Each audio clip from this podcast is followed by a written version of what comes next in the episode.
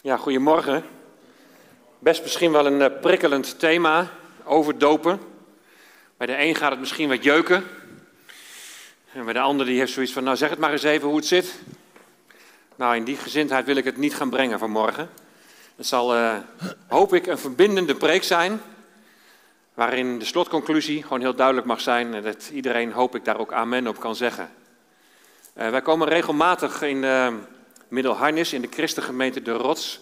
En daar hebben ze een zendeling via Kama-zending uitgezonden naar Mali. Zij is daar al jaren, Carina Saloos. Maar afgelopen week is ze met een wandeling is ze 10 meter naar beneden gevallen in Mali en is ze om het leven gekomen. Maar we hebben een filmpje van haar, heel indrukwekkend. En ik wil het even laten zien, ook het heeft een relatie met vanmorgen, met de doop. Je gaat een filmpje zien dat zij, zij kent de taal uh, in Mali en uh, ze is in de gevangenis. Ze staat daar uh, het evangelie te verkondigen en daar is in de gevangenis een doopdienst.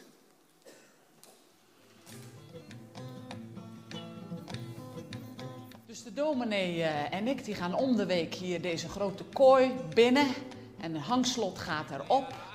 En zodra wij daar binnenkomen, dan merk je al dat de sfeer anders wordt. Ik pak de gitaar uit de koffer. We gaan zingen in het Bambara. En ja, je ziet de gezichten van de jongens stralen. En je merkt dat ze daardoor geraakt worden, dat het hun aanspreekt.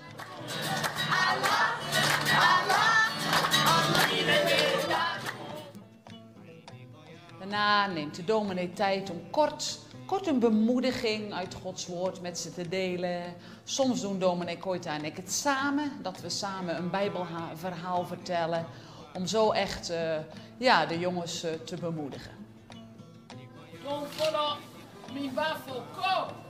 Yesu kakanka kuno kabosu jema oko akalande unkosigina ukaso. Amen. Alakakuba Vandaag is wel een hele speciale dag, omdat het een doopdienst is. Vorig jaar zijn in deze gevangenis zo'n tien mannen tot geloof gekomen. En iedere keer vroegen ze maar aan de dominee, wij willen gedoopt worden, kan dat?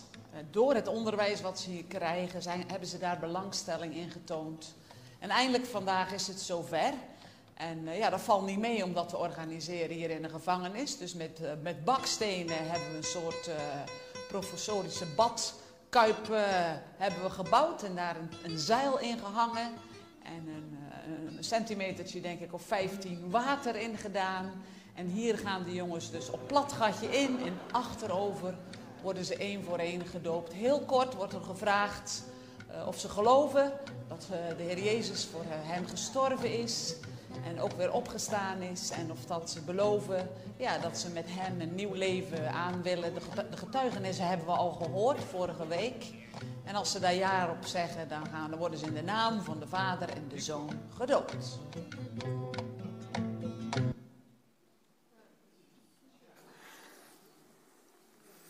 Bijzonder, hè?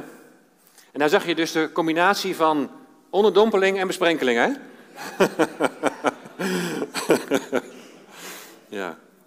Vorige week waren we bezig met de tweede zendingsreis van Paulus en waren we in Athene. Je kunt het plaatje zo even zien van die reis. En in hoofdstuk 18 kun je dan verder lezen hoe dat verloop van die reis is. In vers 1 daar staat ze verlaten Athene en ze gaan naar Korinthe.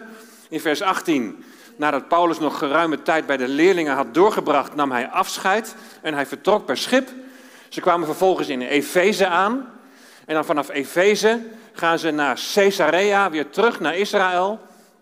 Daar gaan ze aan land. Dan reist hij naar Jeruzalem, naar de moedergemeente, brengt daar natuurlijk weer verslag uit van alles wat er gebeurd is. En dan gaat hij weer terug naar Antiochië in Syrië, waar iedere zendingsreis steeds weer begint. Nou, we slaan dit hoofdstuk 18 even over, want eigenlijk zien we steeds weer een herhaling van het evangelie wordt gebracht in de synagoge. Uh, mensen komen tot geloof, maar er zijn ook jalo jaloerse joden die dan ja, Paulus en de zijnen uh, vervolgen en het hen heel lastig maken. Zo zijn we dan nu in hoofdstuk 19 van het boek, van het boek Handelingen der Apostelen, zo wordt het genoemd. Maar ik zou het misschien nog wel liever noemen het boek Handelingen van de Heilige Geest. We gaan uh, lezen Handelingen 19, vers 1 tot en met 7. En daar is hij dan, de NBV 21, een nieuwe Bijbelvertaling. Dus uh, komende week allemaal naar de fakkel. Prachtige nieuwe vertaling, hoop ik tenminste. Ik ben heel benieuwd. Ik ga er in ieder geval vanmorgen ga ik eruit lezen. En dan lezen we vanaf vers 1. Terwijl Apollos in Korinthe verbleef, kwam Paulus na zijn reis door het binnenland in Efeze aan. Hij ontmoette daar enkele leerlingen. Dus is die derde reis. Weer van Antiochië, Syrië, gaat hij nu door dat binnenland door. Komt hij in verschillende gemeenten waar hij al geweest is. Tijdens die eerste reis. En dan komt hij uiteindelijk in Efeze aan. En hij ontmoette daar enkele leerlingen aan wie hij vroeg: Hebben jullie de Heilige Geest ontvangen toen jullie tot geloof kwamen? En ze antwoordden: Nee, we hebben zelfs niet gehoord van het bestaan van een Heilige Geest. Hij vroeg: Hoe zijn jullie dan gedoopt? Met de doop van Johannes antwoordden ze. En daarop zei Paulus: Johannes doopte de mensen die tot inkeer kwamen en zei tegen hen dat ze moesten geloven in degene die na hem kwam, in Jezus. Toen ze dat gehoord hadden, en dan komt de overdoop, lieten ze zich dopen in de naam van de Heer Jezus. En toen Paulus hun de handen had opgelegd, daalde de Heilige Geest op hen neer, zodat ze in klanktaal gingen spreken en profeteerden. De hele groep bestond uit ongeveer twaalf mensen. Niet te verwarren met de twaalf apostelen dus, maar twaalf leerlingen daar in Efeze. Overdopen. Je ziet een uitroepteken en een vraagteken. Je ziet hier dus in Handelingen 19 dat er sprake is van twee dopen. De doop van Johannes en de doop in de naam van Jezus. Is hier in Handelingen 19, is daar nou sprake van overdopen? Discipelen, leerlingen, ze zijn gedoopt met de doop van Johannes, maar ze moesten nu gedoopt worden in de naam van Jezus. Was Paulus de apostel, was hij nou een overdoper? Maar die term overdopen, die ligt heel gevoelig. Vaak wordt dat ook wel een beetje verwijtend gezegd. Je bent al als kind gedoopt, wordt dan gezegd. En wat voor velen van ons geldt. En nu word je gedoopt door onderdompeling. En er zijn mensen die zeggen, dat is twee keer, dat is overdopen. En dat kan niet. En die gevoeligheid, die kan ik heel goed begrijpen. Als je als ouders je kind in overtuiging hebt laten dopen en die besluit nu tot de geloofsdoop door onderdompeling, dan kan dat zomaar als een afwijzing worden ervaren. Hebben wij het niet goed gedaan? En als je overtuigd bent van de kinderdoop en van de theologie daarachter, dan neem je in hun ogen het verbond waarin je bent opgenomen, niet serieus. Het verbond met Abraham, ga je dat zomaar op het spel zetten? Dus ik kan, ik kan me wel iets bij voorstellen. Ouweneel die noemt niet voor niets de doop een van de olifanten in de porseleinkast. Het porselein, wat eigenlijk zo mooi is, zoals die doop zo mooi is, maar tegelijkertijd zo kwetsbaar. Weet je, die strijd hè, over dat overdopen, die stamt al vanuit de Reformatie, vanuit de 16e eeuw. De Reformatie die 1517 begon. De leider van de Reformatie in Zwitserland, Ulrich Zwingli, die sprak zich in 1523 in een studiekring, sprak hij zich uit voor de geloofsdoop. Maar toen bleek dat de stadsraad van Zurich om politieke redenen niet van de kinderdoop af wilde, herzag Zwingli zijn standpunt. Kinderdoop betekende namelijk tevens inschrijving in de stadsregisters. Op die manier, dus door het kind niet te laten dopen, krijgen ze als het ware geen QR-code en worden ze van allerlei dingen uitgesloten. Zo zou je het kunnen zien. Leerlingen van Zwingli waren het niet met hem eens. Nou, in 1525 werd de eerste Doperse gemeente werd gesticht. En deze werd zwaar bestreden door Zwingli, terwijl hij er eerst voor was. Hij gaf hun de namen Anabaptisten. Misschien heb je daar wel eens van gehoord. Anna betekent opnieuw, dubbel. En baptizo betekent dopen. Dus opnieuw, dubbel, dopen. Dus het waren ook een beetje een uh, denigrerend woord, zo werd het eigenlijk bedoeld. En er werd een harde politiek tegen die Anabaptisten, tegen de wederdopers gevoerd. In 1527 werd Felix Mans, die werd omgebracht door verdrinking. Een symbolische dood voor een overdoper. Vanaf dat moment gingen ze ondergronds, maar ze wisten zich toch over een heel groot deel van Europa wisten ze zich te verspreiden. Op een gegeven moment loopt het ook uit de hand. Melchior Hofman die verwachtte dat in 1533 dat het duizendjarig rijk hier op aarde zou beginnen. En leerlingen van hem die wilden dat rijk met geweld wilden ze bevorderen. En onder leiding van Jan Matthijs en later Jan van Leiden werd de stad Münster in 1533 uitgeroepen tot het nieuwe Jeruzalem. Waar we net van gezongen hebben. Jan van Leiden die voerde een schrikbewind. In 1535, twee jaar later, werd de stad weer veroverd door de bisschop. Die nederlaag in Münster, dat betekende nog niet het einde van het revolutionaire Anabaptisme. In 1535 werd nog een mislukte aanslag op Amsterdam uitgevoerd. Wat een geschiedenis! De jaren daarna maakten de aanhangers van Jan van Batenburg de Nederlanden onveilig. En dan ineens zie je een ommezwaai naar het pacifisme, naar geweldloosheid. Nou, dat maakte niet veel indruk op de katholieke overheid. En de overdopers werden dan ook hevig vervolgd als ketters en als oproerkraaiers. Wij komen oorspronkelijk uit Deventer en ik las daar dat vroeger de dopersen op de brink werden onthoofd. Wat een tijd. De doperse beweging staat internationaal bekend als de Mennonieten van Menno Simons. De strijd rond de overdopen is dus al zo oud als de Reformatie in de 16e eeuw.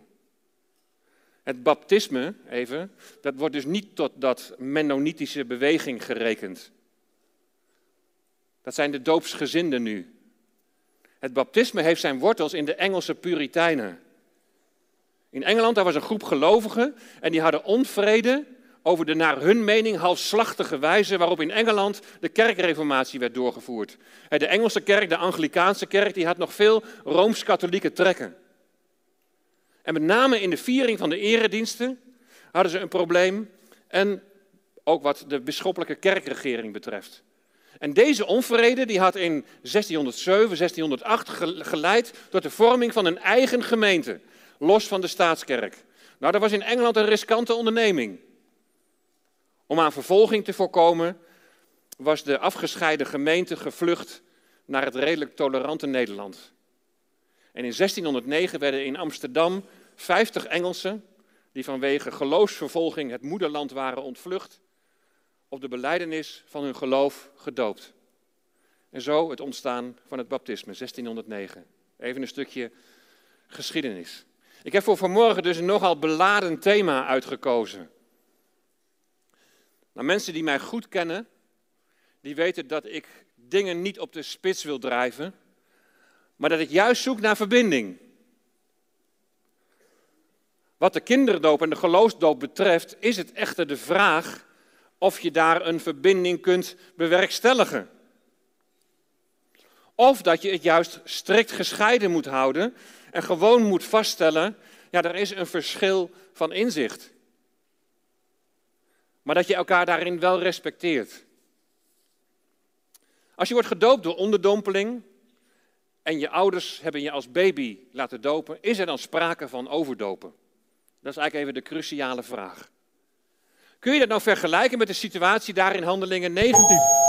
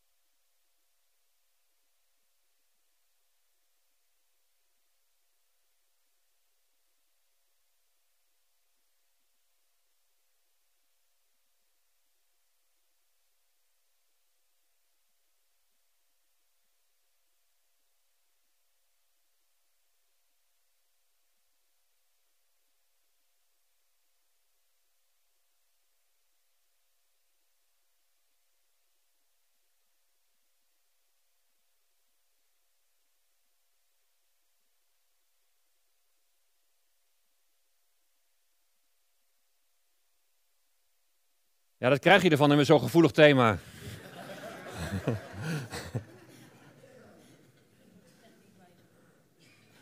ja?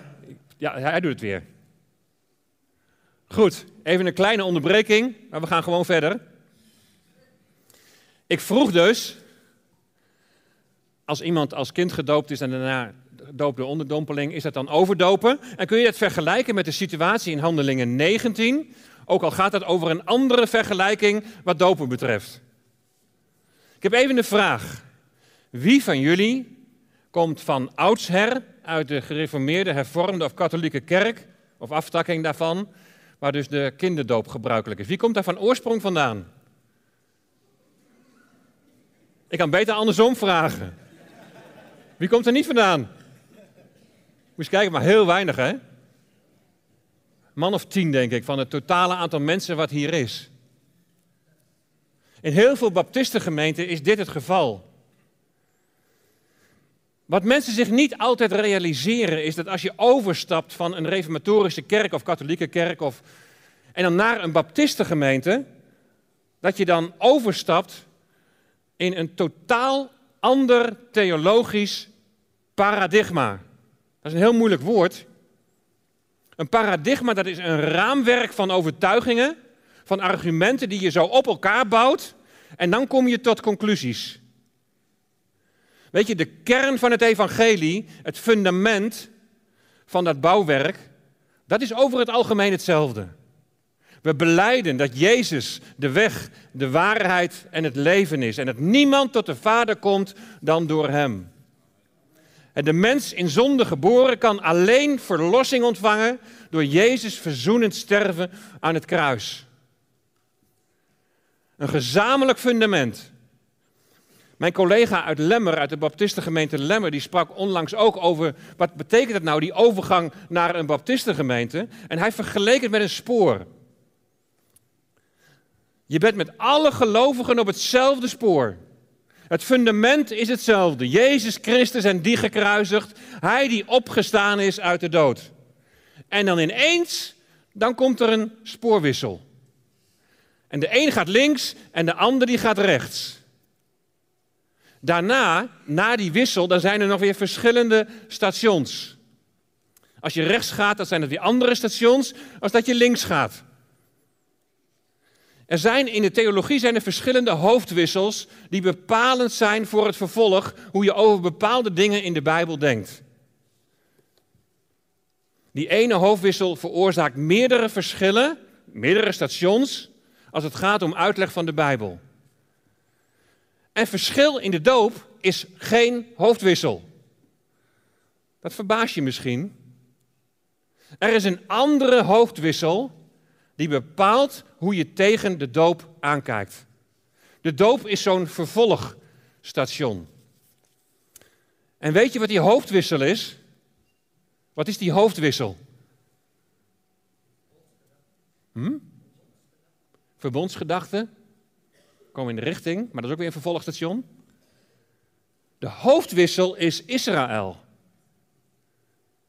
Je visie op Israël bepaalt je visie op de doop, op het volgende station. De visie op Israël bepaalt ook hoe je aankijkt wat, tegen wat de gemeente nou eigenlijk is. Ook zo'n volgende station. Je visie op de doop, op, op, de, op Israël, bepaalt ook je eindtijdvisie. Ook weer zo'n volgende station. Het heeft, dus de visie op Israël heeft heel veel gevolgen. En Sipke zei het net al, in, in de reformatorische kerken, daar kennen ze de verbondsleer. En die leer gaat ervan uit dat er één volk van God is.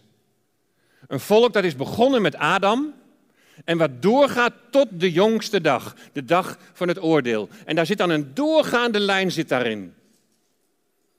Adam was al een kind van het verbond. In het werkverbond, zoals dat genoemd wordt, dat God met Adam sloot, zie je enerzijds de wet. Je zult niet eten van de boom der kennis van goed en kwaad. Maar aan de andere kant zie je ook al de genade. Een hele belangrijke tekst. Helemaal in het begin, al bij de schepping. Genesis 3, vers 15. Vijandschap sticht ik tussen jou en de vrouw, tussen jouw nageslacht en het hare. Dat verbrijzelt jou de kop, jij bijt het in de hiel. Daar wordt dus al voorzegd dat de kop van Satan verbrijzeld zal worden door de Messias. Want het bijten in de hiel wijst op zijn kruisiging. Van Adam tot Abraham spreken ze dan van een particuliere, een persoonlijke openbaring van het genadeverbond. Vanaf Abraham de openbaring van het genadeverbond aan de aartsvaders, Abraham, Isaac en Jacob. En vanaf Mozes, vanaf de wetgeving, de huwelijkssluiting op de Sinaï, gaat God zijn weg met zijn volk, met het volk Israël. Een volk geroepen om heilig te zijn. Een geroepen volk om een koninkrijk van priesters te zijn. Een licht voor de volken. In het Oude Testament wordt Israël ook wel gemeente genoemd. Kahal. Ze zijn het volk van God. In het Nieuwe Testament wordt de Griekse naam Ecclesia gebruikt, wat ze ook vertalen met gemeente. Maar bij die verbondsleer zie je, of bij de verbondsleer zien ze in Israël en de gemeente zijn het lichaam van Christus, zien ze dus een voortgaande lijn. De gemeente, het lichaam van Christus, wordt gezien als een geestelijke voortzetting van het volk Israël. En dan zijn daar nog weer twee aftakkingen. Je hebt de radicale verbondsdenkers die zeggen dat de gemeente in plaats van Israël is gekomen. En de gematigde verbondsdenkers die zeggen dat de gemeente is ingelijfd in Israël. Wij zijn erbij gekomen. Het komt, ten diepste komt het op hetzelfde neer. Dat ze de gemeente zien als een geestelijke voortzetting van het volk Israël. Dus hoe ze het Oude Testament uitleggen, is totaal anders dan in een doorsnee baptistengemeente. Een hoofdwissel gaat om. Met name de radicale verbondsdenkers, die gaan allerlei beloften en profetieën die in onze ogen letterlijk voor Israël zijn bedoeld, gaan zij vergeestelijken. De besnijdenis bijvoorbeeld was het teken van het horen bij het volk van God. Je wordt dan opgenomen in het verbond met Abraham. hoe ga je dat vergeestelijken? Door het invoeren van de kinderdoop. De doop in plaats van de besnijdenis. De kinderdoop wordt dan gezien als het teken van opname in het verbond met Abraham. Die hoofdwissel waar de wegen uiteen gaan is, zoals ik zei, Israël. En dat gaat onder andere terug dus tot dat verbond met Abraham. En ik zie dat verbond als tweeledig. Allereerst bevat dat verbond concrete aardse beloften voor Israël. Bijvoorbeeld de belofte van land, de landbelofte. En tegelijkertijd zullen in Abraham, in Israël dat uit hem voorkomt, alle volken gezegend worden en wel omdat de Messias uit Israël komt. Hij is het zaad, hij is de nakomeling van Abraham. Het is dan voor ons ook niet nodig om besneden te worden. En we hebben daar ook geen alternatief voor nodig. Het is door geloof alleen. Geloof in de Messias van Israël. Wat we aan het begin van handelingen hebben gezien, is dat in eerste instantie, als de geest wordt uitgestort met Pinksteren, dat er Joden tot geloof komen. Zij komen tot geloof, zij ontvangen de Heilige Geest en zij laten zich dopen. Pas later komen er ook heidenen, dus niet-Joden, komen tot geloof. Maar dat betekent niet dat wij dan in Israël ingelijfd worden. De gelovige Jood en de gelovige heiden, die worden samengevoegd en zo ontstaat er compleet iets nieuws. Ze worden samengevoegd in één lichaam. Er is iets nieuws ontstaan. Ze hebben samen in de Heilige Geest hebben ze toegang tot de Vader. De Jood die tot geloof komt, de heiden die tot geloof komt, samen in Christus een nieuwe schepping. Daarnaast heb je nog het volk Israël in het algemeen.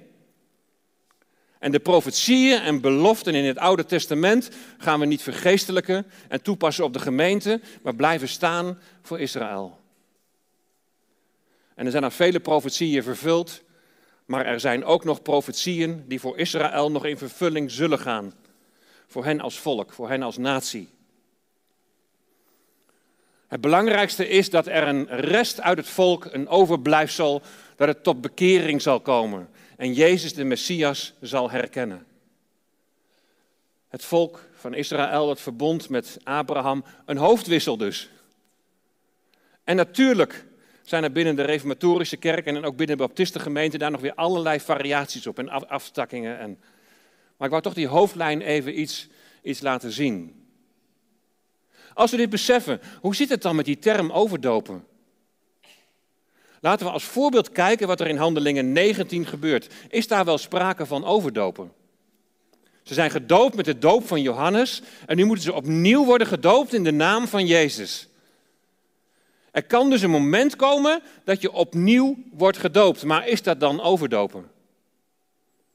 Het komt wat vreemd over. Paulus ontmoet een aantal leerlingen en dan vraagt hij of ze de Heilige Geest hebben ontvangen toen ze tot geloof kwamen.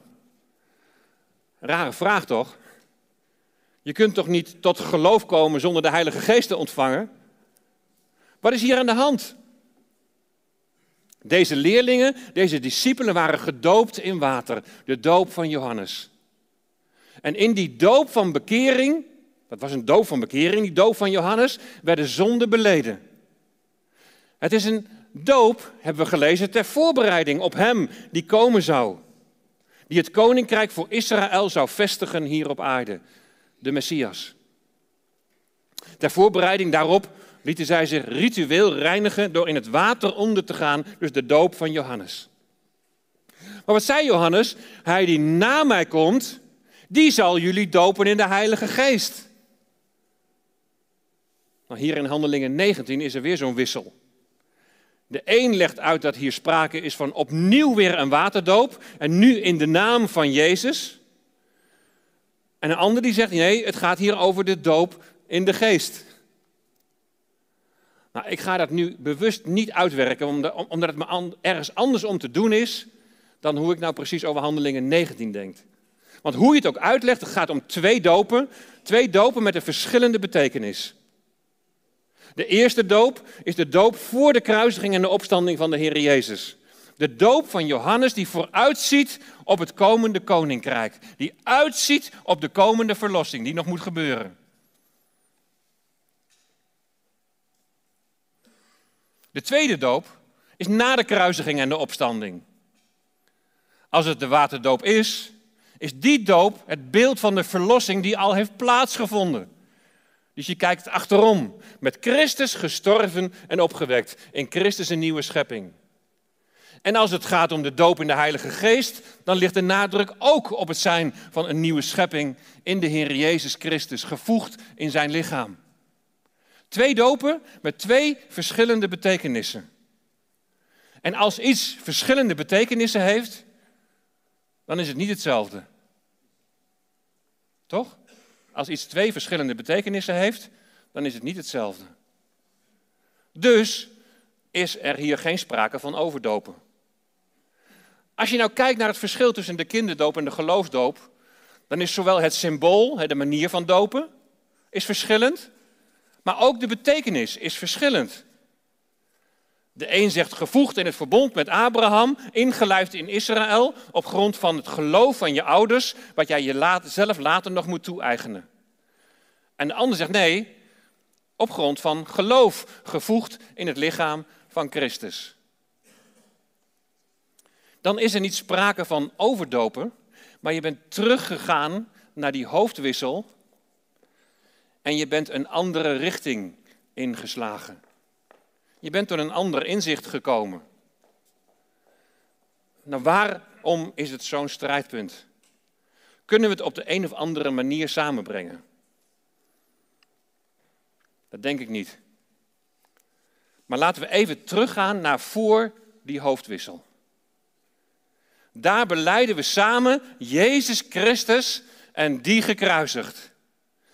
Daar beleiden we samen dat Hij aan het kruis is gegaan om voor onze zonde te sterven. We geloven samen in Zijn opstanding uit de doden en dat er maar één weg is om gered te worden. Jezus, de weg, de waarheid en het leven. Dat hebben we gezamenlijk. Gezamenlijk fundament. Kijk vervolgens eens waar we uiteindelijk uitkomen. We gaan langs, op een gegeven moment langs verschillende stations. Maar ons gezamenlijke einddoel is Christus. Zijn wederkomst. En daarmee het herstel van alle dingen. over hoe we daar komen, via welke doop en welke visie op de eindtijd en welke plaats Israël heeft in het geheel, kunnen we van mening verschillen. Dat komt door die hoofdwissel. En, en ook op die, die twee verschillende sporen kom je nog weer verschillende meningen tegen. Maar het fundament en het einddoel is hetzelfde. Moet je dan kunstmatig proberen om die twee sporen bij elkaar te brengen? In mijn ogen onmogelijk. Je kunt onmogelijk de kinderdoop naar het andere spoor overzetten of andersom. Want dan spoort het niet meer met die andere stations waar je langskomt. Dan raak je in verwarring. Maar laten we dat van elkaar respecteren. En elkaar niet verketteren, zoals dat tijdens de Reformatie gebeurde. Laten we ons gezamenlijk nou verheugen in dat gezamenlijke fundament en dat gezamenlijke einddoel. Ik ben ervan overtuigd hè, dat we in een tijd leven dat de christelijke kerk onder ongelofelijke druk zal komen te staan. In de preek over een verdeelde samenleving heb ik iets gezegd over een Great Reset waaraan op dit moment wordt gewerkt. Een sterk veranderde samenleving,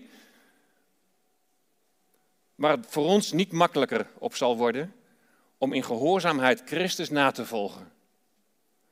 Dan kunnen we het ons niet veroorloven om elkaar op deze dingen te verketteren. We hebben elkaar nog hard nodig.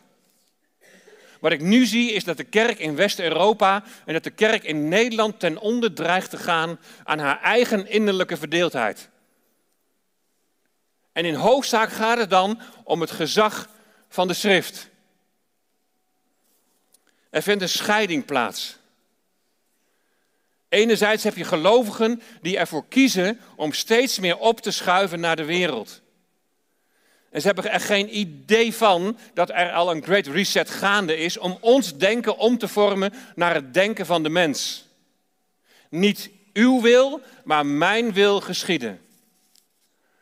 Anderzijds heb je gelovigen die kiezen om trouw te blijven aan het woord in het besef, gij geheel anders. Gij hebt Christus leren kennen. Niet mijn wil, maar uw wil geschieden. En mijn oproep is om samen zo'n kerk, zo'n gemeente te zijn. Dan ben je licht, dan ben je zout in deze wereld. De wereld heeft er niets aan als wij handelen zoals zij handelen. Want dan komen ze never nooit bij Christus uit. Geloof in Jezus Christus, dat schuurt nu eenmaal. Dat confronteert mensen. Maar brengt wel leven, brengt eeuwig leven. Confronteren, anders denken, wordt vaak als liefdeloos gezien. Maar het zou liefdeloos zijn als we dat niet zouden doen. De weg naar Christus is een weg van confrontatie, een weg van berouw en bekering, een weg van herstel en vergeving. In dat verlangen om licht en zout te zijn, in dat verlangen om trouw te blijven aan het woord van God, moeten we elkaar kerkmuren overstijgend vinden. We hebben elkaar nog hard nodig. Accepteer en respecteer van elkaar de wissel die tot verschillende stations leidt. Het eindstation is Christus. Is hetzelfde. En laten we elkaar daarin omarmen. En in liefde met elkaar optrekken. En zo gezamenlijk het schild van geloof opheffen om de vurige pijlen die gaan komen, om de vurige pijlen van Satan te kunnen weren. Gerrit en Gianne, Karel, jullie worden zometeen gedoopt. Je beleidt in je doop, beleid je zometeen dat je met Christus bent gekruisigd. Je oude leven zonder Hem wordt begraven. Je bent gekruisigd voor aardse, wereldse verlangers. Je leeft niet langer meer naar de mens van wie het ik op de troon zit, Uit het doopwater zul je opstaan. Je bent in Christus opgestaan in nieuw leven. Een nieuwe schepping die niet langer leeft voor zichzelf, maar die leeft voor Hem die uit de dood is opgestaan. Je leeft voor Hem die jullie lief heeft. Leef vervuld van de Heilige Geest. En, en volg Christus in alles na. En dit bid ik jullie allemaal en ons allemaal toe. En misschien ben je hier vanmorgen wel voor het, eens, voor het eerst en denk je, Jezus, genoeg. Daar zijn we mee begonnen, dat eerste lied. Hoezo dan? En al dat gedoe over van hoe zit het nou allemaal precies? En misschien heb je ook wel geen idee van zit ik nou op dat spoor of zit ik nou op dat spoor? Als je maar weet dat je op het spoor van Jezus zit. Want daar gaat het om. Jezus brengt leven. Hij heeft zijn leven gegeven om jouw zonde te vergeven. Hij heeft zijn leven gegeven om de weg naar de Vader open te maken. Hij heeft zijn leven gegeven opdat je eeuwig leven zult ontvangen. Ik hoop dat iedereen straks naar deze dienst kan zeggen: Hij is genoeg voor mij. Amen. We gaan een lied samen zingen voordat we naar de getuigenissen gaan luisteren. En dat lied dat is Ik verlang naar Jezus. En het is heel mooi als je dat samen ook als een gebed kunt zingen. En misschien weet je nog maar niet hoe alles precies in elkaar zit. Maar alleen al dat uitsprekende, ik verlang er wel naar, ik verlang ernaar om die Jezus te kennen, dan komt Hij jou daarin tegemoet. En dan wil Hij het ook verder in je hart gaan uitwerken.